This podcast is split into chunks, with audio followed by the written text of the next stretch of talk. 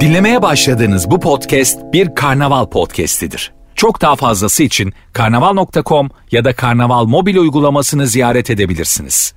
Cem Arslan'la gazoz ağacı başlıyor. Türkiye'nin süperinde, süper FM'de, süper program Gazoz Ağacı'nda hepiniz hoş geldiniz, sefalar getirdiniz. Saatler 20'yi gösterene kadar burada güzel özel bir program yapacağız. 14 Mayıs'ı geride bıraktığımız 28 Mayıs hazırlığı yaptığımız bu günlerde sonuçlar ne olursa olsun vatana millete hayırlı olsun.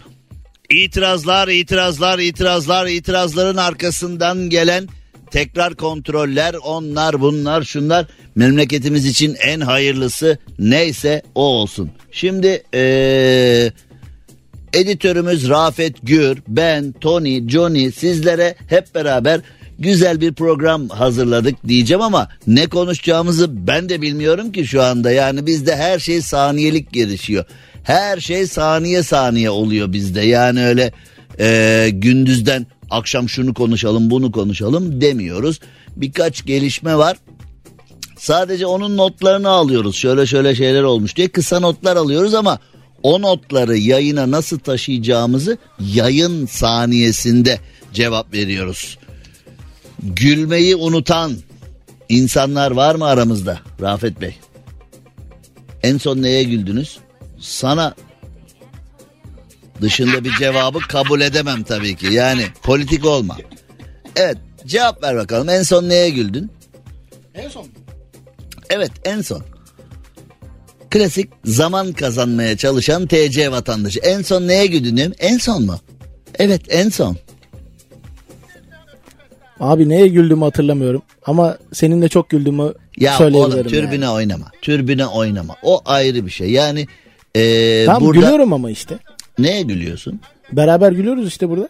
Gülüyoruz evet de yani ben de şimdi e, kendimi kendim eleştirmek zorundayım. Burada reklam aralarında öyle şeylere gülüyoruz ki onları yayında söyleyebilme ihtimalimiz e, çok zayıf. Onun için e, yayında söyleyem yani e, bir düşündüm şöyle. söylenmez abi Güldüğümüz şeyleri düşündüm. Söylenmez, Konudan hemen söylenmez. kaçıyorum. Konunun özüne geliyorum. Rafet Bey'e çok teşekkür ediyorum. Japonlar gülmeyi unutmuşlar. Derhal gazoz ağacı programını Japonca'ya çevirip bütün Japonya'ya servis ediyorum. Az- Bence onlar gülüyorlar da biz onları kavga ediyor zannediyoruz. Bak gerçekten şaka falan yapmıyorum.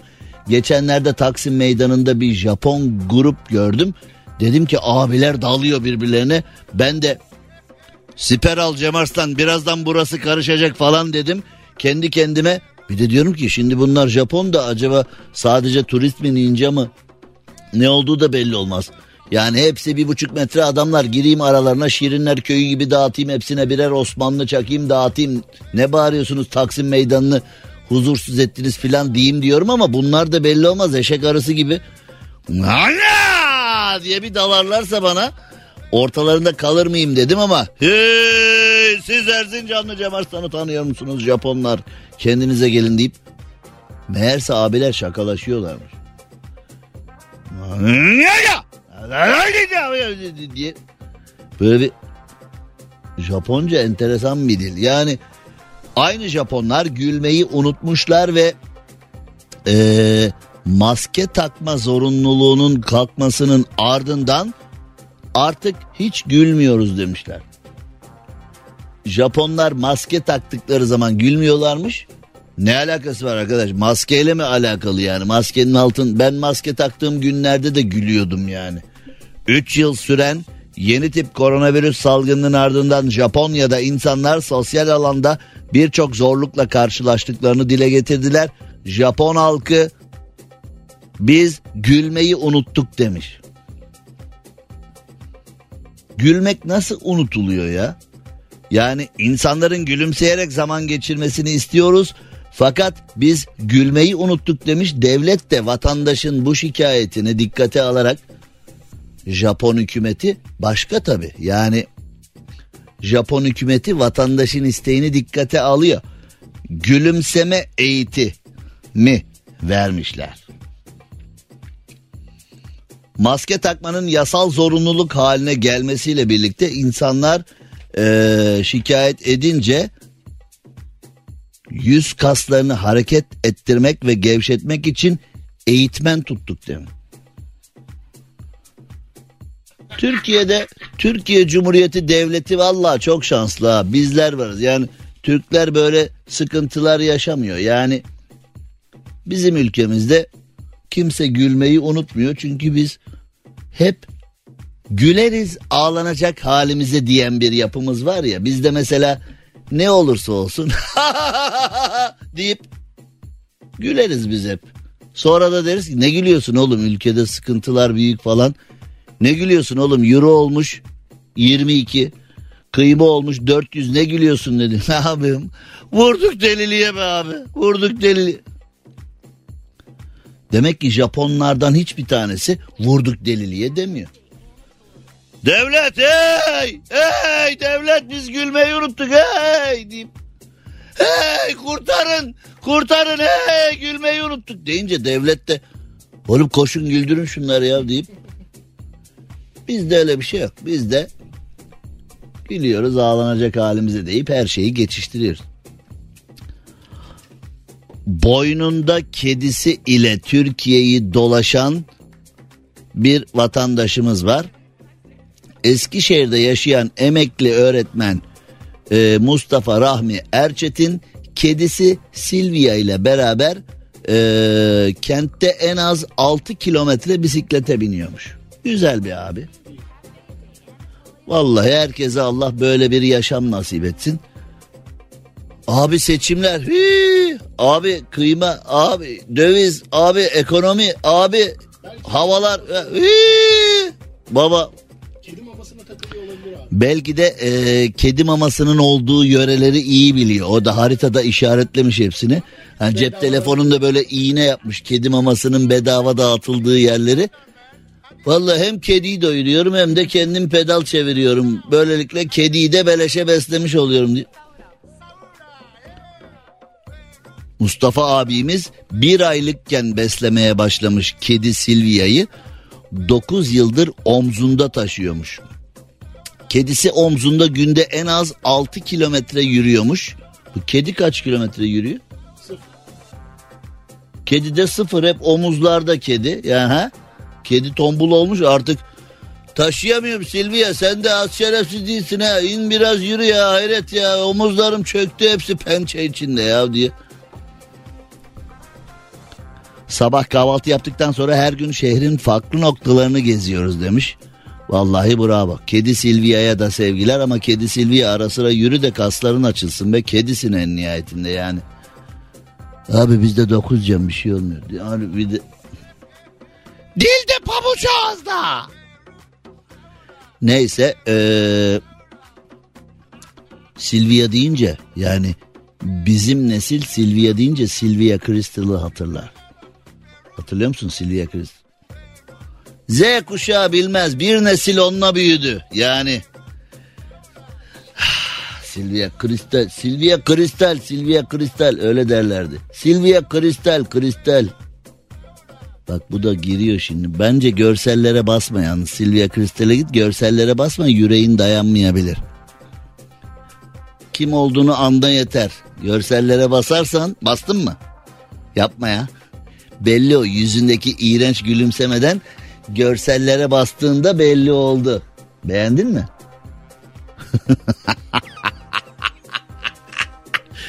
Sesi nefesi kes Silvia çok güzel. Biz de benim dolaştırdığım Silvia bunlardı işte. Ama biz o Silvia'yı nerede dolaştırıyorduk? Zihnimizde. Bizim dolaştırdığımız Silvia o ee, o Silvia işte. Şimdi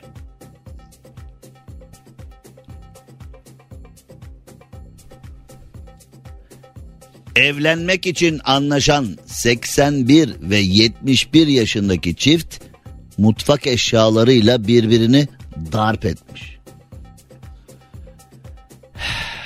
Bak şimdi haberin yüzde ellisi hep Türkiye'de öyle yani konuların yüzde ellisi güzel başlıyor. Diğer yüzde ellisi problemli gidiyor ya. Türkiye'de konular hep öyle. Yani yüzde ellisi güzel yüzde ellisi problemli. Evlenmek için 81 ve 71 yaşındaki çift anlaştı.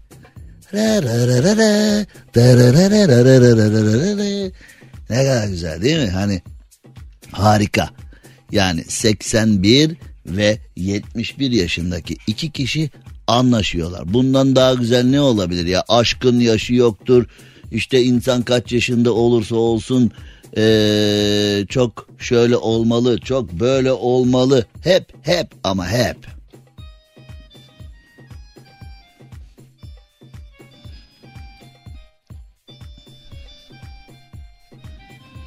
Samsun Bafra ilçesinde evlenmek için 81 ve 71 yaşındaki iki vatandaş yetkililere müracaat etti. Aşk 71 aşk 81 tanımaz. Aşk böyle bir şey. Sonra ne olmuş peki? Sonrası daha da e, problemli. İddiaya göre 81 yaşındaki AG daha önce evlenmek için anlaştığı 71 yaşındaki SY isimli kadınla evde buluştu. Buluşma tartışmaya, tartışma kavgaya, kavga. Bunlar dönüşmekten yani devamlı dönüşmüşler yani hiç kendi, evin içinde kendileri kalamamışlar yani. Yaralanan AG ve SY Bafra Devlet Hastanesi'ne kaldırılmış. Oğlum Bafra'dasınız kapalı kıymalı pide yesene. Bafra'nın kapalı kıymalı pidesi.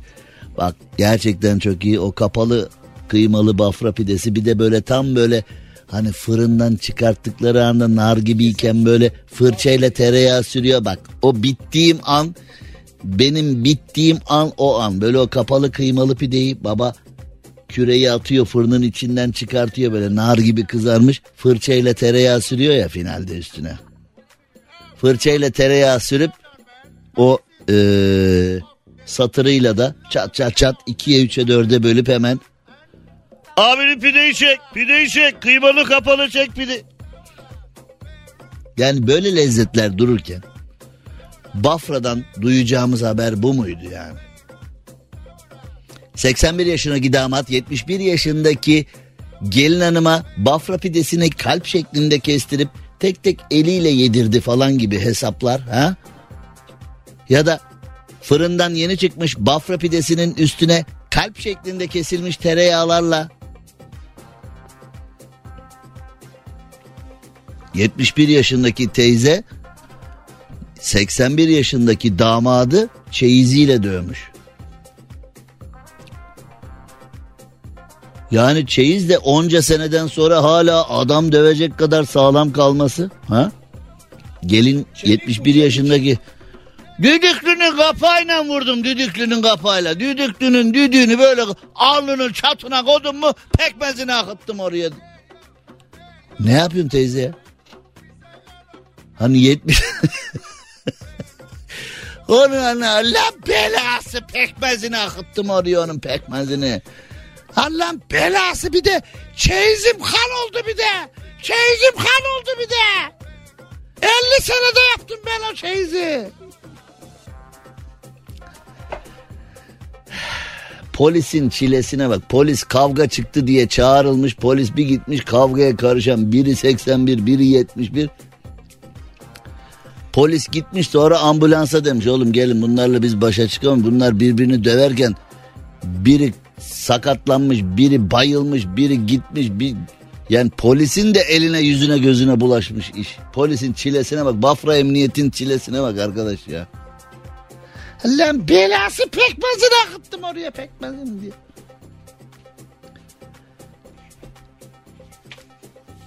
Adana'da kadın kılığına giren soyguncular banka soydular yani geçenler bunu seyretmişsinizdir herhalde ha, değil mi? Bu senelerdir anlattığımız hani güvenlik açığı hikayesi var ya insanları giyimlerine göre değerlendirirsen işte güvenlik açığı ortaya. Ya bu şöyle giyinmiş bir şey olmaz bundan. O beton beton. İşte e, giyim kuşamın önemi bir kez daha ortaya çıkıyor. Bu konu önemli. Ee, bu konu önemli. İnsanları giyimine kuşamına göre değerlendirmeyin. Herkese adaletli, herkese güzel davranın. Ee, Adana'dan gelen, şimdi hep bu Güldür Güldür'deki Adana Adliyesi geliyor aklıma. Vatikan'a doğru gideceğiz. Pişkin hırsızlar var. Yani bir de pişkin olmayanı mı var yani? Hırsızlar zaten dünyanın en adi, en şerefsiz, en iğrenç insanları yani. İnsanların alın teriyle çalışan insanların geleceğini ee, gasp ediyorlar.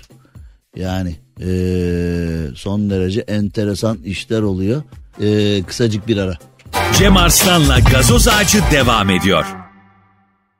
Türkiye'nin süperinde, süper FM'de, süper program gazoz ağacında yayınımıza devam edelim bakalım. Şimdi e, yüzde yetmiş civarında bir trafik var. Yüzde yetmiş civarında trafikte e, maalesef kazalar da var. Ya aynı yerde dün de var. Dünden beri mi duruyor o kaza orada acaba? Yani e, ya da aynı yerin böyle bir Bermuda şeytan üçgeni gibi bir sıkıntısı var. Büyükçekmece Beylikdüzü yönünde bir e, kaza var. Gayrettepe Koz Yatağı yönünde Anadolu yakasında e, bir kaza var. Kazayı da not düşüyorlar ya hasarlı. Yani hasarsız kaza var mı acaba? Ha hasarı hasarı hiç umursamayan gördüm. Bazen böyle yağmurda falan iki araba birbirine çarpıyor. Böyle arabanın içinden el sallıyorlar. Tamam devam şimdi kim inecek ıslanacak onu anladım da yani kaza var haberinin parantez içinde hasarlı diye bize servis edilmesi bana biraz bana biraz manyakça geliyor ama e, gerçekten demek ki öyle anlıyoruz ve e, cennet küçük çekmece yönünde büyük çekmece Hacı Şerif yönünde neredeyse yan yana aynı yerde iki araç arızalanmış. Orası da e, E5 Cennet Mahallesi Büyükçekmece tarafını oldukça yoğun bir hale getirmiş. Bunları da söylemiş olalım.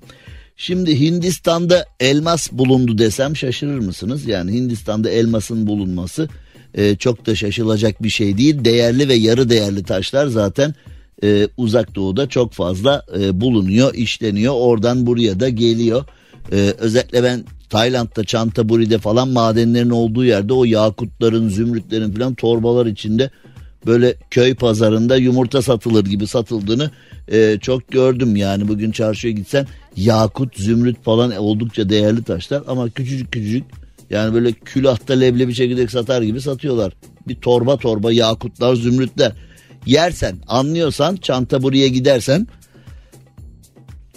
orada önemli olan şey ee, anlaman lazım. Gerçek taşlar da var, arada camlar da var. Yersen. Şimdi Hindistan'da elmas bulundu şaşıracak bir şey değil ama elmasın içinde elmas bulunmuş. Elmasın içinde elmas o da enteresan yani eve yumurta alıyorsun içinden civciv çıkıyor falan kırdığın zaman menemene kırdığın zaman ilginç. Hindistan'ın Surat şehrindeki bir şirket sürete bak sürete sürete şu su, suratının rapiyasını gitmiş be. Bu tür taşlar söz konusu olduğunda çok ama çok nadir görülen benzersiz bir taş elmas içinde elmas. Bu ne saçma sapan bir cümledir ya. Böyle şeyler çok nadir görülüyor demişler. Sonra demişler ki bir taş var benzeri yok. Oğlum nadir görülüyorsa nadir de olsa görülüyor demek bu. Sonra elmasın içinde elmas olunca peki şimdi normal bir elmas taşın içinde ne var ki zaten? Yani bütün elmas taşlar elmasın içinde elmas değil mi yani şimdi ha? Bu öyle değilmiş işte. Ee, Times of India'ya göre nadir bulunan parçaya atan yürek adı verilmiş. Beating Heart. Bir elmas diğer bir elmasın içine sıkışmış serbestçe hareket eden küçük bir parçadan oluşuyormuş. Vay be. Yani Allah tarafından elmasın içinde bir boşluk var. O boşluğun içinde de bir tane elmas turluyormuş. 0329 karatlık taş ilk olarak geçen yıl Ekim'de ee, bir elmas üreticisi tarafından işlenmiş. Ee, son 30 yılda böyle bir şey görülmemiş. Daha öncesinde böyle şeyler varmış fakat fiyatıyla alakalı hiçbir ya Cem Bey karımın da doğum günü ben düşünüyordum öyle bir şey. Acaba bize son ne? Böyle haberler verdiğimde bazen bana müracaatlar oluyor biliyor musun? Hani mesela bir araçtan falan bahsediyorsun böyle. Ya insan onu C- e, Cem Bey alabiliyor muyuz biz onu? Evet Rafet Bey'e mesaj atabilirsiniz. Rafet Gür Instagram adresinden e, o taşı almak isteyenler oraya. Satıyorum. Beş farklı isim yüzünden iki kez askere çağrıldı. Cezaevine girdi. Şimdi de emekli olamıyor. Bu ne arkadaş bu yani dizisi yapılır bunun be. Ha? Ayşegül'ün suçu ne vardı? Ayşegül müydü o? Fatma Gül değil mi oğlum o? Hiç dikkatli değilsin yani. Fatma Gül'ün suçu ne değil mi o? Ayşegül değil. Vallahi ben sanki bütün diziyi izledim ben. Ben isminden başka bir şey bilmiyorum. Kim oynadı onu bilmiyorum ya. Antalya Muratpaşa ilçesinde yaşayan Ersin Akbaş 57 yaşında. Doğumundan itibaren süren hatalar nedeniyle 5 farklı isimle yaşamını sürdürmek zorunda kaldı. Resmi kurumlarda adı Ersin, Ersün, Ergün, Ergun ve Ergin olarak anıldı. Bu nedenle ikinci kez askere çağrıldı. Cezaevine giren Ersin Akbaş şimdilerde emekli olabilmek için bu ülkede çalıştığını kanıtlamaya çalışıyor.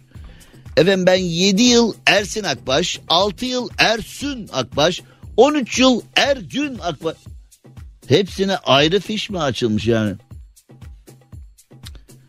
İyi de Ersin Baba da 57 yaşına gelene kadar hiç ilgilenmemiş herhalde bu işlerle. Şimdi emekli ne emekli mi olamıyorum derhal tüm kayıtlar çıkarttı. Yani bugüne kadar aman Ersin derseniz de olur Ersin de olur her gün de.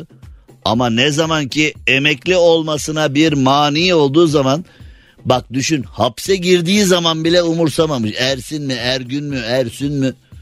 Ama ne zaman ki ne zaman ki ne zaman ki kendisine emekli olamıyorsun dedikleri anda ne deyip faaliyete geçmiş Ersin Akbaş abimize buradan bir selam yollayalım. İnşallah kendisini mutlu eden bir sonuca ulaşır. İnşallah her şey istediği gibi olur. Ee, Sivas'ta ayakkabı boyacılığı yapan Murat Ünser adlı bir vatandaş. Efendim? İki tane mesaj. İki tane mesaj mı geldi? Evet. Ee, Rafet Bey'e anında iki tane mesaj gelmiş. Ee, Hindistan'daki elmas içindeki elması almak adına ne teklif ediyorlar? Hiçbir şey yazmamışlar. Hiçbir şey yazmamışlar mı? Sana iletmemiz Ha, ilk önce bazen de öyle oluyor. Mesela ben onları e, çok dikkate almıyorum. Bazı arkadaşlar mesela sosyal medyadan mesaj atıyor. Cem abi Hani ben evet buyurun diyeceğim. Ha abi tamam sensin değil mi? Evet benim. Ya abi bırak ya sen olsan cevap vermezsin falan. Şimdi e, Cem abi yazıyorlar cevap veriyorsun. Bu sefer de gerçek Cem Arslan cevap vermez. Sen Cem Arslan değilsin falan küfür eden falan oldun. ona. Arada ben yazıyorum. Yani Cem abi diye yazana evet buyurun benim diye cevap yazdığımda bana küfür eden oldu. Küfür edip bana gerçek Cem Arslan olsa engellerdi, yasaklardı sen o değilsin falan diyor. Oğlum cevap versek bir dert. Cevap vermesek bir dert. Ne istiyorsunuz oğlum? Ne demiş mesaj atan? Sana iletmemi istedim. Ne iletmemi istiyor? Hiçbir şey yazmamış. Bak, Bana iletmeni Cem abiye iletir misin deyip hiçbir şey yazmamış mı? Yani bu elmas içindeki elması almak istiyorsanız Rafet Gür ilgileniyor. Onunla, e, onunla yapın pazarlığı demiştim. Cem abiye iletir misiniz diye mesaj geldi. Neyi iletir? Neyse zaten elmas da bizde yok. Yani o yani Yok satıyoruz, yok satıyoruz. Evet e, Sivas'a gideceğiz. Sivas'ta ayakkabı boyacılığı yapan Murat Ünser'den bahsedeceğiz. Çünkü güzel işler yapmış, önemli işler yapmış. E, bu arkadaş pişkin hırsızlara darbe. Pişkin olmayan yani dürüst, namuslu, onurlu hırsızlara yok demek yani. Sadece pişkin hırsızlara. Anladım peki. Cem Arslan'la gazoz ağacı devam ediyor. Türkiye'nin süperinde, Süper FM'de yayınımıza devam edelim. Sivas'ta ayakkabı boyacılığı yapan e, Murat Ünser kardeşimiz yaptığı resimlerle ünlü ressamlara taş çıkartacak hale gelmiş. Şimdi bu haberin bir kısmı, haberin e, orijinal hali. Fakat benim üzerinde durmaya çalıştığım şey şu kültür sanat faaliyetlerinden çok uzak kaldık. Kültür sanat faaliyetlerinden çok ciddi uzak kaldık. Gençlerimizin yani bu sağla solla uğraşmaktan, Cumhur İttifakı, Millet İttifakı, Ata İttifakı ile uğraşmaktan, siyaset zehirlenmesinden dolayı kültür sanat faaliyetlerinden çok uzak kaldık. Varsa seçim yoksa seçim siyaset siyaset siyaset insanların bıyık bırakma şeklinden gözlük takma şeklinden saç kestirme şeklinden ee, jargonundan bayramlara verdiği isimlerden hep insanları fişlemeye çalışıyoruz. Hep insanları fişlemeye çalışıyoruz. Kültür sanat faaliyetleri onun için hep gölgede kaldı. Bu yüzden birçok gencimizin sesi güzel olan, kalemi kuvvetli olan, fırçası kuvvetli olan fotoğrafçılık ve sinema alanında düzgün işler yapan, belgesel anlamında düzgün işler yapan yani ee, tiyatro noktası çok önemli. Tabi tiyatroyu zaten iyice kaybettik. Eskiden e, siyasi büyüklerin taklidi yapılırdı filan bilmem ne. Şimdi en ufak bir skece bile tahammül yok. Bir skeç olduğu zaman hemen e, kaşlar çatılıyor. Ne demek istiyor bu falan deyip yani bunun da örneklerini yaşadık. E, ben tabii ki 29 yıldır bu işi yapan 53 yaşında bir insan olarak Demirel'in, Ecevit'in, Türkeş'in, Erbakan'ın kendi taklitlerini yapan sanatçıları ayakta alkışladığını bizzat gözlerimle görüp kulaklarımla işittiğim için e, Arı Stüdyosu'ndan diğerlerine kadar yani eski siyasilerin bir kültürü vardı. Eski siyasilerin bir çizgisi vardı ve onlar kendi karikatürünü mesela Süleyman Demirel kendi karikatürünü yapan insanlardan rica eder karikatürün orijinalini alır e, kendi karikatürünü yapan insanlara şapkasını falan hediye ederdi. Şimdi sen e, siyasileri içeren bir espri yap. Siyasinin kendisine gerek yok. Onların trolleri sana e, saldırıyorlar hemen böyle. Kraldan kralcı tipler var ya hani e, vay efendim espri yapıldı dur şuna tepki göstereyim bakarsın Ankara'dan bir teşekkür gelir bana falan diye öyle kraldan kralcı vıcık vıcık tipler var. Şimdi kültür sanat faaliyetleri kenarda kalınca tabi aslında birçok gencimizin birçok yeteneği de kenarda kalıyor. Yani çünkü e, her gün gerçek sanatçıların sergileri kapatılıyor. Gerçek sanatçıların e, temsilleri kapatılıyor. Kapatılıyor derken yasaklanıyor anlamında değil giden yok. Hani kapatılıyor derken biri gidip burada tiyatro mu oynanıyor? Basın kilidi o anlamda söylemiyorum. Yani tiyatroya giden yok. Artık dijital platformlar Sinemalar bile tek tek kapanıyor çünkü dijital platformlar e, artık çıktı. İnsanlar filmleri eskiden mesela vay hızlı ve öfkenin yenisi gelmiş, Star Wars'un yenisi gelmiş. Gelse de gitsek falan diye. Şimdi mesela birçok kişi John Wick diye film vardı. Şimdi birçok kişi değil mi? John Wick çıktı. Bizim Rafet gitti sinemada izledi. Ee, birçok kişi John Wick'i çok seviyorum diyor. E git filmi izle. Yok abi. Netflix'e gelsin izleyeceğim diyor.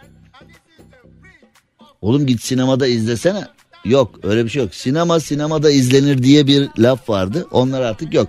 Onun için e, Sivas'ın Şarkışla ilçesinde yaşayan ve ayakkabı boyacılığı yapan Murat Ünser'in Şarkışla da hafızam beni yanıltmıyorsa e, değerli büyüğümüz sevgiyle saygıyla rahmetle anıyorum. Aşık Veysel'in de e, memleketi olması lazım. Yanlış hatırlamıyorsam hemen bir bakalım. E, hafızam beni yanıltmıyorsa Aşık Veysel'imiz de oradan. Resim ve yeteneğiyle kendisine hayran bırakmış Murat Ünser, geçimini ayakkabı boyacılığı yaparak sağlayan gizli yetenek, ilkokulda başlayan resim merakını gün geçtikçe ilerletmiş, işinden arta kalan zamanlarda fırça ve paletini eline alarak e, kağıtlara, tuvallere resimler yapmış. Hobi olarak yaklaşık 20 dakikada yaptığı resimleri görenler hayretle bakmışlar, çok ilgilenmişler. İşte ee, böyle yani bir sürü tip var. Hiçbir şey üretmeden sadece ailenin parasını tüketiyor. E bu çocukcağız da hem ayakkabı boyacılığı yapıyor oradan kazandığı parayla ailesini geçindiriyor ve aynı zamanda da kendisine kendisine yeni bir kapı açıyor. Ee, Sivas Şarkışla'da ayakkabı boyacılığı yapan Şimdinin ayakkabı boyacısı, geleceğin büyük sanatçısı Murat Ünser'e sevgilerimizi, saygılarımızı e, sunalım. Beni dinleyen herkes, beni dinleyen herkes rica ediyorum Murat Ünser kardeşimize bir e, hayır duası yapsın. Onun da yolu açılsın. İnşallah e, güzel bir sanatçı olur. Bu arada e, şarkışta doğru değil mi? Yani evet tamam iyi. Bu da yaşlandı artık. Her şeyi yanlış hatırlıyor. Ee, evet. Ee, Aşık Veysel'imizi de sevgiyle saygıyla analım. O da büyük bir ozanımız, büyük bir halk ozanımız ama ona da e, hayattayken layık olduğu değeri tam manasıyla verebildik mi? Bence veremedik. Ee, işte benim de üzüldüğüm şey Anadolu'da birçok ozanımız var, birçok sanatçımız var, birçok gencimiz var ama onların elinden tutan yok. Gençlerimizin kullanım alanı en çok partilerin gençlik kolları. İşte gel bakalım. Gel bakalım böyle. Bayrak asılacak, mitinge gidilecek. Rakiplerle uğraşılacak. Neredesiniz oğlum siz? Neredesiniz? Abi ben resim yap. Ne resmi lan? Ne resmi? Abi ben ee, şiir yazıyordum. Ne şiir oğlum? Ne şiir oğlum? Ne şiir oğlum? Partilerin gençlik kollarını bayrak asılacak mitingde kalabalık yapılacak. Gençlerimizi kullandığımız alanlar oralar. Hani onların sanatına fazla el atan yok. Çok minimal, çok minimal. Birkaç güzel çalışma var tabi. Ee, ama Cem Arslan'la gazoz ağacı devam ediyor. Türkiye'nin süperinde, süper FM'de, süper program gazoz ağacında yayınımıza devam edelim. Abi sen süper FM'e ne zaman geçtin demiş. Talin Samurkaş. Talin. Günaydın yavrum be. Yani ee, düzeltmen gerekiyor. 90.8'de artık programımızı dinleyebilirsin. Yani iki seneden fazla oldu. iki buçuk seneye yakın oldu herhalde yani hatırladığım kadarıyla. Tam şimdi ince hesap yapmadım ama yani hani sanki geçen hafta burada başlamış gibi. İstanbul'da bir oto hırsızlık çetesinin çaldıkları araçların motor ve şase numaralarını değiştirerek piyasaya sattığı belirlendi. E bu yani bin yıldır var olan bir şey yani. Hani sanki görülmüş duyulmuş şey değildi. Şebekenin sattıkları araçlara GPS takarak yerlerini belirleyip tekrar çaldığı ortaya çıktı. Bu şekilde çalınan 25 araç tespit edildi, bulundu. Yani şimdi çalıntı araç alan kişi aracımı çaldılar diye polise gidiyor. Polis aslında iki ayrı aracı buluyor ama bir araç bulunduğunda her iki tarafın şikayeti de giderilmiş oluyor gibi karmaşık bir durum var ha. Yani bir meşrubat iki kamış vardı ya öğrenci işi. Burada da bir araç iki hırsız. Ha? Çaldıkları aracı yine çalıyorlarmış. Bir de not bırakıp yine çalacağız diye. Oradan çaldıkları aracı bir daha çalıp bir daha satıp üçüncü kere bir daha çalıp bir daha satıp dördüncü kere bir de yani plan bu herhalde. 22 şüpheli polis ekipleri tarafından yakalanmış. Güzel. Kapısının önünden çalınan aracı kendisine teslim edilen vatandaş aracı servise götürdüğümde takip cihazı olduğu anlaşıldı. İki anahtar da bizdeydi. Hırsızlar kendilerine anahtar da yaptırmış. Yani Türkiye'de anahtar yaptırmak o kadar zor bir iş değil. Yani ee, ben size anlatmıştım bunu. Bir keresinde Almanya'da bir e, çilingir mevzusu olmuştu. Yani ben de kuzene ya çağıralım şuradan bir çilingir iki dakikada halletsin falan dediğimde fiyat olarak da çok yüksek oldu ve bir de öyle çilingiri hani çağır hemen gelsin. Şimdi ben bir çilingir çağırıp bir evi açtıracak olsam hiç kimse sormuyor bu ev gerçekten senin mi diye. Ya da bir anahtar yaptıracağın zaman git bir nalbura anahtar yapan bir yere. Kardeş şundan dört kopya yapsana dediğin zaman tamam abi sen iki dakika otur çay söyleyeyim mi abi falan deyip sen otururken abi dört tane kopyayı yapıyor veriyor ama bu nerenin anahtarı nedir kimdir belli değil. Almanya'da anahtar kopyalayabilmek için ee, aynen böyle noter olmak adına geçilen süreç gibi ciddi bir süreçten geçip devletten bu kişi anahtar kopyalayabilecek kadar güvenilir bir kişi diye bir belge alıyorsun. Güvenilirlik belgesi. Bizde git 12-13 yaşında bir nalbur kalfası bile o anahtar yapan makinayı kullanmayı bile abim abim ayıp ediyorsun abim. Yani bizde anahtar kopyalamada ne var? Gir bir dükkana istediğin gibi yaptırırsın. Kimse sana sormuyor ki. Ya da o anahtarı yapacak kişinin bilmesi gereken tek şey anahtar kopyalayan makinenin nasıl çalıştığı. Onu öğrendiği anda ha kopyalar cepte. Ee, vatandaş aracına kavuşmanın mutluluğunu yaşayarak sabah kalktım aracım yoktu umudu kesmiştim aracı Sakarya'da bulduk.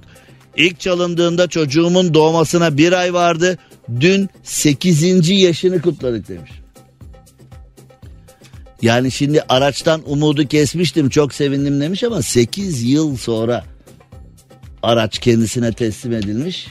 Artık çalındığında kaç kilometredeydi, bulunduğunda kaç kilometre? Acaba araç sahibinin aradan geçen o yıllara rağmen e, demirbaşa verilmiş o amortisman etkisinde mahkeme açma hakkı var mı? Düşün aracın çalınıyor bin kilometrede 8 yıl sonra araç sana bir geliyor 100 bin olmuş. Ne gezmişler be ha deyip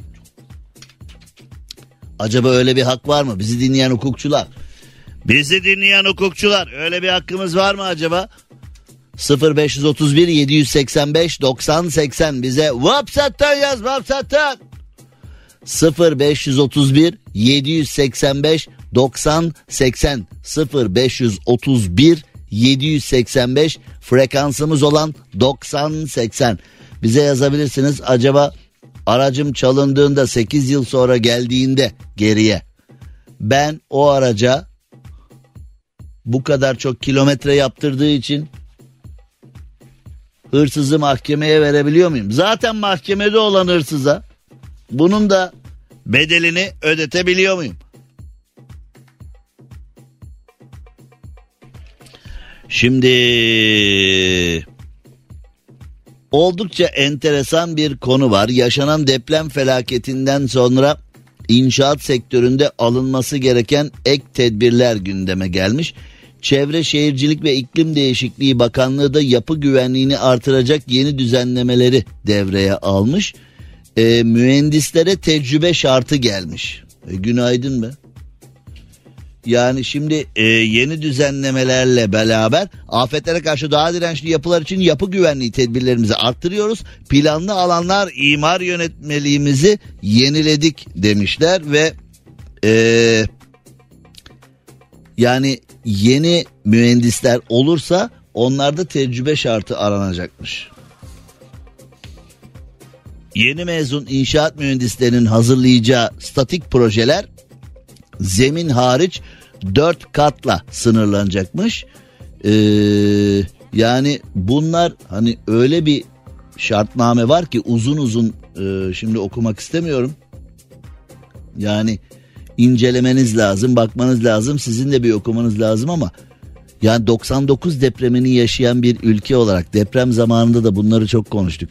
Bunların çoktan halledilmesi lazım. Yani Bunlar o zamanlar yoktu. 99 depreminden sonra alınacak tedbirler değildi. O zamanlar teknoloji böyle değildi. O zamanlar ülke böyle değildi. O zaman üniversiteler böyle değildi. O zaman sistem böyle değildi. Diyeceğimiz şeyler asla değil. Asla değil. Asla değil, asla değil, asla değil. Ama nasıl ki 99 depreminden hiçbir ders almadık. 99 depreminden sonra olan depremlerde aynı şeyler birebir başımıza geldi. Hayat devam ediyor. İşte yani e, Göktürk'te bile deprem toplanma alanı imara açıldı. Kimsenin gıkı çıkmıyor. Memlekette birçok deprem toplanma alanında birçok deprem toplanma alanında ee, bina var o var bu var boş değil. Zaten çoğu kimse deprem toplanma alanlarını da bilmiyor. Neresi olduğunu da öyle çok da merak ettiğini zannetmiyorum. Yani şu anda beni dinleyenler birbirine lütfen sorsunlar. Bizim hakikaten ya bizim mahallenin deprem toplanma alanı neresi? Bizim evin deprem toplanma alanı neresi falan. Herkes birbirine bir sorsun bakalım yani. Cevap geliyor mu acaba? Herkes bu konulara hakim mi? Deprem toplanma alanı neresi? Alo neresi? Alo neresi? Eskiden radyoda şu anda Doğan Can sabah yaşıyordur belki. Şimdi numara veriyorsun bizi arayın falan diye. Bir radyoya telefon açıp radyodan da alo buyurun efendim süper efendim falan diye cevap geleceğini de insanlar düşünmüyor herhalde. Öyle bir hesap yapmıyor herhalde. Alo neresi? Bir tedirginlik var. Bizi arayın dediğimizde alo ya neresi? Delireceğim ya. Ya neresi? Neresi? Aynen öyle. Acaba deprem toplanma alanında neresi? Şimdi ee, tabii ki biz baktığımızda işte bazı şeyler eleştirilmişti ya mesela 20'li yaşlarda ağır ceza reisleri var memlekette. Yani şimdi böyle bir e, azılı mafya liderini falan ağır ceza reisleri 20'li yaşlarda acaba hani o tecrübeye erişmiş vaziyetteler mi? Ağır ceza reisi deyince artık meslek hayatının e, son zamanlarında yapılabilecek bir mevzu. Çünkü ağır ceza reisliği çok ciddi tecrübe ister. Çok ciddi bir e, yapı ister. İşte mühendisler de öyle. Yani e, yeni mezun bir mühendisin yüzlerce binlerce insanın hayatını ilgilendiren konularda biraz daha biraz daha önemli işler yapabiliyor olması lazım. Yani ee, zor işler hakikaten. Zor işler. Şimdi e, Mithat Duman kralsın Cem abi yorumlarına hayranım demiş. Çok teşekkür ediyoruz sağ olun efendim. Eee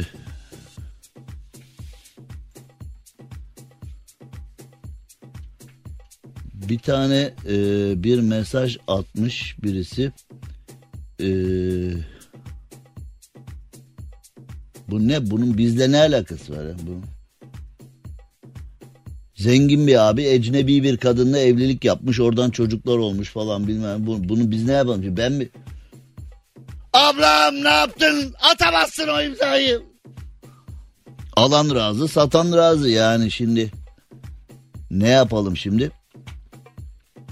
Cem abi bu ülkede aracınla 8 yılda kilometre yapmış hırsızı mahkemeye verdiğinde sen zararlı çıkarsın demiş. Ee,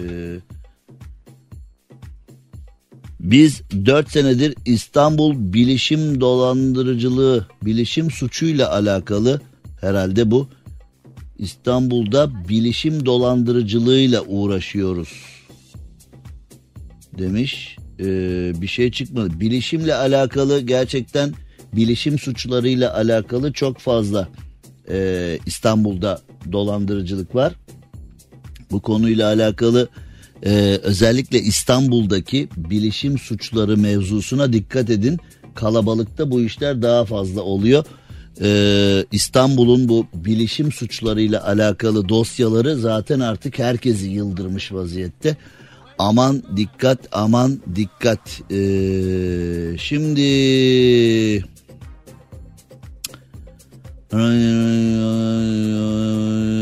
yani o kadar şimdi bazıları da demiş ki o kadar çok konular var ki oralarda bile bir şey yapılmıyor. Sizin sorduğunuz soru havada kaldı demiş. Son derece haklı. Yani o kadar ağır suçlarda, o kadar ağır konularda bir şey yapılmadı ki. Ee,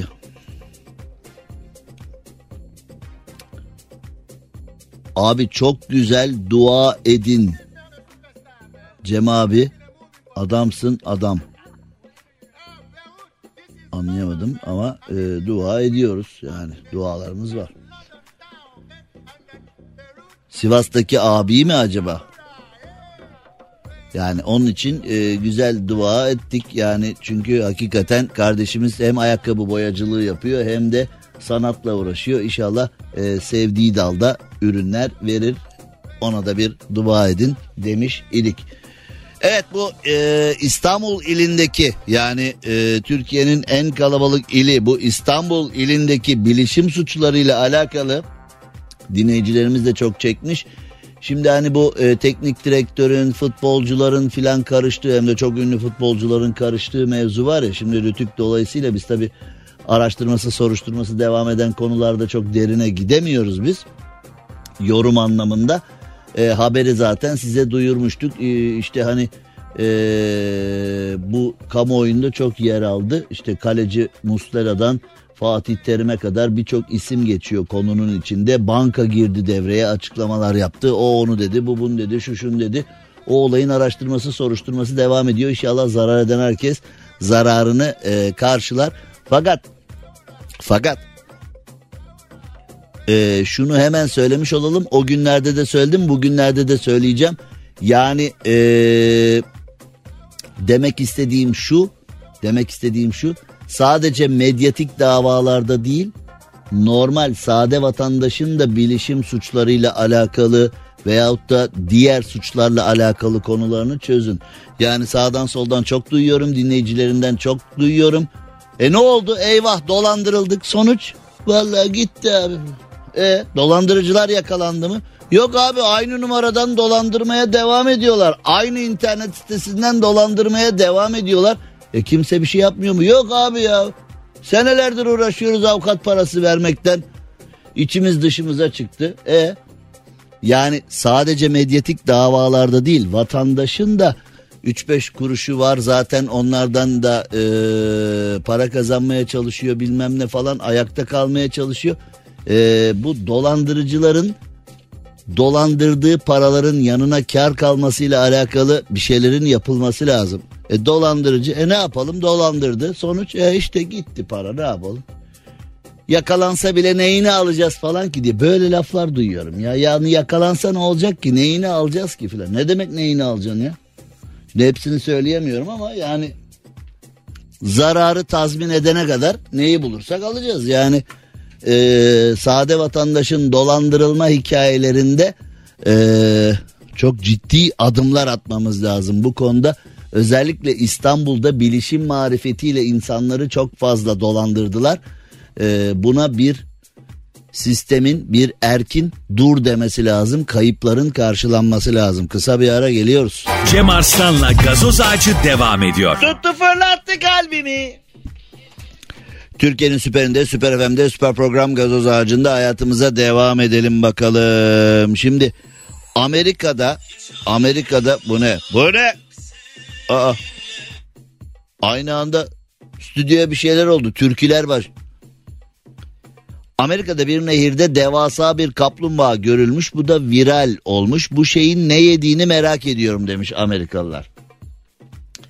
Şimdi ee, Amerika'da Chicago nehrinde çok kocaman gerçekten çok büyük bir devasa kaplumbağa gözükmüş ve insanlar derhal cep telefonlarını çıkartmışlar. Zaten hep öyle oluyor. Yani yani bizde de hücre evi baskınında biliyorsunuz yani e, insanlar telef olmuştu. E, hücre evi baskınında etrafta polis önlem alıyor.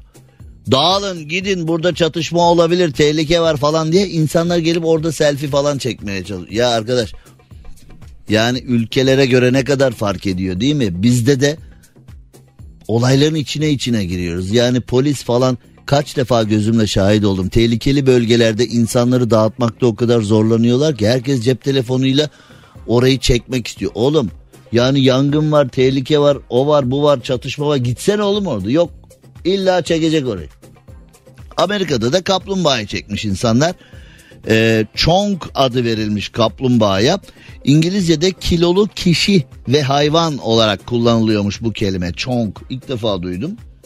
Gerçekten ilk defa duydum. Yani böyle lüzumsuz bilgiler Beni biliyorsunuz benim beynim çöplük gibi ne kadar lüzumsuz bilgi varsa hepsi bende bulunuyor ama çonku duymamışım demek ki. Kaplumbağanın görüntüleri e, Amerika'da yayıldığında Amerikalılar aman tanrım bu ne kadar büyük bir kaplumbağa bu ne yiyor demişler. Yani altında yatan korku bu bizi de yer şekli. Ya kocaman bir kaplumbağa görüyorsun normal boyutlarının üzerinde bir şey görüyorsun. Bunlar hemen Jurassic Park falan diye Tabi filmleri de müsait. Şimdi e, Amerika'da işte Avengers filmleri, süper kahraman filmleri, Jurassic Park Yıldız Savaşları filmleri falan olunca tabi günlük hayatta bir şey olduğu zaman hemen konular oralara doğru gidiyor. Biz de zaten e, günlük hayat süper kahramanlar gibi geçtiği için bizde öyle çok da e, bir şeyler olamıyor. Kaplumbağa dev gibiydi, çok kiloluydu, kabuğun içinde fazla büyük gözüküyordu ne yiyor diye korktuk ee, demiş. Fakat kaplumbağanın hani bu kadar büyük bu kadar büyük bu kadar büyük bir kaplumbağanın e, kaç kilo olduğu ve nasıl gözüktüğü halde e, bu kadar mesaj aldığı filan orada bir şeyler söylenmemiş. Yani kaplumbağalarla alakalı 9 ila 34 kilo arasında olabiliyor denmiş. Çonk'un tam kilosu hala bilinmiyormuş. Çonk'u daha tartamamışlar. Yani e, belgeselcinin işi yoksa kaplumbağa tartar şeklinde el alemin derdine bak bizim derdimize bak. Şimdi ee, Vatikan Amerika'nın Connecticut eyaletinde bir kilisede gerçekleştiği iddia edilen mucizeyi soruşturmaya başlamış. Şimdi sosyal medya çıktıktan sonra artık e, Vatikan seçimlerinin de kimse yüzüne bakmaz oldu. Yani e, Amerika'sı CIA falan o dünyayı yöneten global güçler Vatikan'ı çok önemsiyorlardı. Çünkü e, Vatikan marifetiyle oldukça büyük bir kalabalığa etki ediyorlardı. Oldukça büyük bir kalabalığı kendi politikalarına göre e, Vatikan üzerinden şekillendiriyorlardı falan. Fakat sosyal medyadan sonra Vatikan biraz e, kenara atıldı. Üvey evlat muamelesi görüyor. Vatikan'ı artık çok fazla Papa seçimleri hatırlayın. Papa seçimleri böyle televizyonlardan canlı verilirdi. Biz bile izlerdik sanki yani. Yani Papa'nın kim olduğu bizi çok fazla bağlamıyor olmasına rağmen yani birinci çemberden çok bağlamıyor. İkinci çemberden tabi ilişkiler için önemliydi falan o zamanlar. Ama şimdi artık e, Vatikan'ın adı geçmiyor be. Ha? Onlar eskidendi yani. Godfather filminde bile Vatikan etkisi oldukça göze çarpmıştı.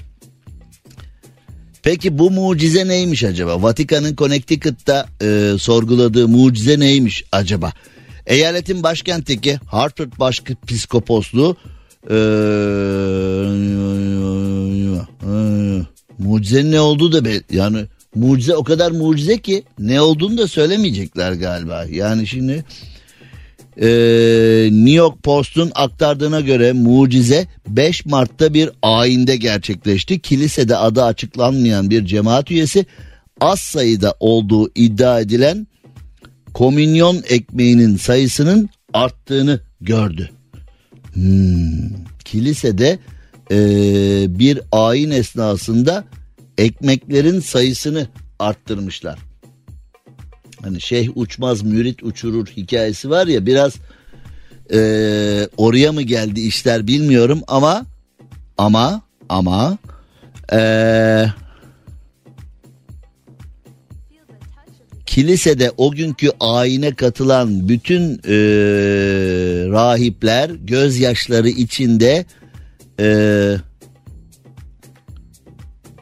Tanrı kendini çoğalttı. Tanrı'nın bunları yapması çok havalı. Tanrı'nın ne yaptığını anlamamız da çok havalı oldu. E, ayin esnasında ekmeklerin kendiliğinden çoğaldığını gördük demiş. Vatikan'da demiş ki bir bakalım bu duruma. Ve e, bu Amerika'da günün konusu olmuş. Connecticut'ta yayınlanan yerel e, gazeteler, yerel medya iddiayı duyduktan sonra e, kilisenin etrafını sarmışlar. Kiliseden yayınlar yapmışlar. Kiliseyi e, hemen kiliseyi hemen medyatik hale getirmişler. E, baş psikopozluk sözcüsü David Elliot da bu tür mucizeler Vatikan'daki özel bir birim tarafından inceleniyor demiş. Böyle bir birim varmış. Hani Vatikan ne iş yapıyorsun? Vatikan mucizeler biriminde müfettişim diyerek. Ha? çalışalım. Rafet Bey'in e, kirli fikirleri var. Diyor ki orada iş bulup çalışmak istiyorum. Yatar. Yani 40 yılda bir böyle bir mucize. Oğlum şu kiliseye bakın verin. Bakın ekmekler kendi kendine çoğalıyormuş. Bir bakın abi baktık geldik evet. Yokmuş abi öyle bir şey değil. Hani kiliseye zoom'dan bağlandık diye. Yani güzel bir birimmiş hakikaten. Ee, Vatikan böyle bir birim kurmuş. Demiş ki böyle mucizeler bize geldiğinde böyle olaylar bize geldiğinde e, arkadaşlar gidip bak arkadaşlar e, arkadaş yani böyle arkadaş hani mesela Vatikan böyle bir şey duyulmuş görülmüş bir şey değil biz de şaşırdık ee, bazı arkadaşlarımızı görevlendirdik gidecekler bakacaklar falan değil yani hani baya baya şerbetliler yani bu konuya. Şimdi Sayın Başpiskopos Allah seni inandırsın ayin yapıyorduk ekmekler birden böyle birden böyle birden böyle. Yani enteresan ee, ama birim kurulma bana yani ee, bir ayin esnasında ekmeklerin çoğaldığını herkes gördü denmesinden ziyade böyle bir birimin hazır tutulması. Evet abi bir dakika abi bizim bir, bizim, bir dakika abi bizim birim var bu işte. Ya abi bir dakika bir dakika. Hani maçlarda oluyor ya mesela bir penaltı hoca önce veriyor. Futbolcular sarıyor. Bir dakika bir dakika varla konuşuyor bir dakika bir dakika. Tamam bir dakika konuşuyorum içeriyle bir dakika konuşuyorum. Hani Vatikan'da var var resmen. Yani ekmekler çoğalıyor efendim burada. Kendi kendine. Mucize. Bir dakika. Vardan bakıyoruz bir dakika diye hani. İlginç. Daha önceki mucizeler neymiş acaba? Ben şimdi birdenbire oraya da hani aynı birimin daha önceden baktığı davalar arasında neler var acaba? Birimin ismi de yok. Abi. Birimin ismi de yok. Birimin birimin adı yok. Yani e, aslında bir nevi yani bir nevi e, ha, evet yani özel birim. Yok. Bilgi veremiyoruz ya özel birim. İlginçmiş valla. Bakın bunun takipçisi olalım buradan bir şey. Ee, şimdi biz baktık gerçekten çoğalmış ekmekler falan hani böyle bir şey mi gelecek? Yok o gün arkadaşlar biraz ee, ruhani çizgisi yüksek bir gün yaşamışlar. Öyle zannetmiş olabilirler falan mı denilecek? Bilmiyorum, ne denecek bilmiyoruz. Onu göreceğiz. Ee, biz de bunu takip edeceğiz. Eğer yeni bir bilgi gelirse biz de sizlerle paylaşırız. Cem Arslan'la gazoz ağacı devam ediyor. Türkiye'nin süperinde, süper FM'de, süper program Gazoz Ağacı'nda yayınımıza devam edelim. Ersay Üner'e de selamlarımızı, sevgilerimizi yollayalım. Ve Şimdi bir e, konu var benim 29 yıllık yayın hayatımda çok kafayı taktığım bir konu ambalaj konusu. Şimdi e, Avrupa'yı ambalajlamaya odaklandık demişiz. Ambalaj Sanayicileri Derneği Başkanı Zeki Sarıbekir hiç tanımam ama o da konuşmuş. Çok geç kaldığımız bir konu. Çok geç kaldığımız bir konu. Ben size anlatmıştım 80'li yılların sonundan 90'ların başına kadar İstanbul'da Kozyatağı halinde bir Anadolu kamyonetim vardı. Adı Charlie'ydi. Charlie ile beraber ben orada halde gece kamyonetçilik yapardım. Gece çalışır sabah okurdum. Ee, medyaya başlamadan önce yayına başlamadan önce birçok işler yaptık. Ee, çeşitli sebeplerle üniversite eğitimi alamayınca kendi kendimi yetiştirmem gerektiğine karar verip kendi kendime üniversite bana gelmiyorsa ben üniversiteye giderim deyip gidemedim de yani e, kendimi yetiştirmem gerektiği kendimi kendi imkanlarımla yetiştirmem gerektiğine karar verip bunları yaparken filan halde çok üzülüyordum. Yani Starking elma geliyordu 50 kiloluk kasalarda. E, portakal, mandalina domates, salatalık, biber falan geliyordu. Hep böyle dökme mal derler. Halk arasında böyle bir laf vardır. Dökme mal, dökme mal. Bazen hatta e, bir kamyon domatesi gördüm. Bir kamyon domates hakikaten kamyonun kasa hiç kasa masa da yok. Yani tamamen kamyon kasasının aldığı şekliyle yani kamyon kasasını bir kasa gibi manav kasası gibi e, kabul edip yani onu herhalde e, hale gelene kadar o salça oluyor zaten orada. Hatta halde şöyle bir şey olurdu o dökme mal denen noktada e, güzel domatesler falan e, lokantalar manavlar falan oteller falan paylaşılırdı. Geri kalanı lahmacuncular beklerdi. Hani böyle hafif ezilmiş bozuk falan değil. Yani hıfzı siyahaya aykırı olduğu için değil. Yumuşamış, bozulmuş, patlamış domatesleri de lahmacunculara verirlerdi. Onlar da alırdı falan ama canım ürünlerimiz, canım ürünlerimiz inanın bana eğer şu ambalaj denen sektöre ambalaj denen konuya yani buradan da e, ambalaj sanayicileri derneğine selam olsun çok önemli bir işi yapıyorlar. 60'lı 70'li yıllarda şu ambalaj mevzusuna uyanabilseydik o zaman ürünlerimiz Avrupa'da Amerika'da başta olmak üzere dünyada çok daha değişik yerlerde olabilirdi ama biz ambalajı çok ıskaladık. Daha böyle eriği, çileği, kirazı, üzümü falan o yeni güzel plastik kaplarda filan satma noktasına yeni yeni geldik. Yeni yeni geldik. Ne kadar çok malımız heba oldu biliyor musunuz bu konuda? Ambalaj konusuna tekrar e, yeri geldikçe gireriz ama e, Ambalaj Sanayicileri Derneği belki çok eski olabilir bir dernek olarak. Ne zaman kurulduğunu bilmiyorum ama ambalaja çok geç bir geçiş yaptık. Bu da çok üzücü bir konu. Çok malımız çürüdü çok çok malımız çürüdü bu konuda. O kadar geciktik ki yani biz hep fasafisa konularda siyasi tartışmalarla ana konuları ıskalamış bir milletiz.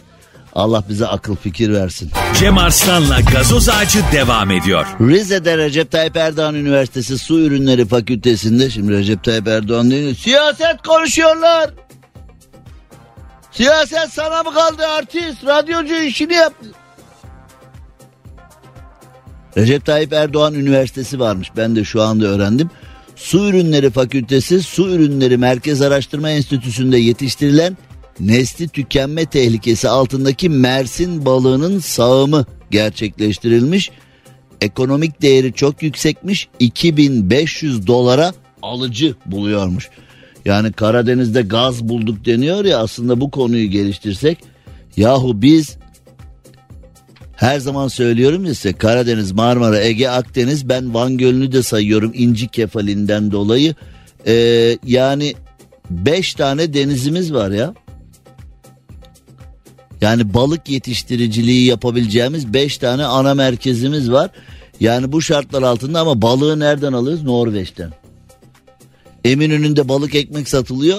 Orada Norveç'ten balık geliyor. Bu ayıp bize yeter ama işte Karadeniz'de ee, gazla beraber yani gazı da iptal etmeyelim ama gazla beraber şu balık işini de halledebilsek yani çocukluğumuzda kalkan balığı vardı, mersin balığı vardı, yılan balığı vardı. Uskumru vardı Marmara'ya özel Marmara uskumrusu diye bir balık vardı. Uskumru vardı o vardı bu.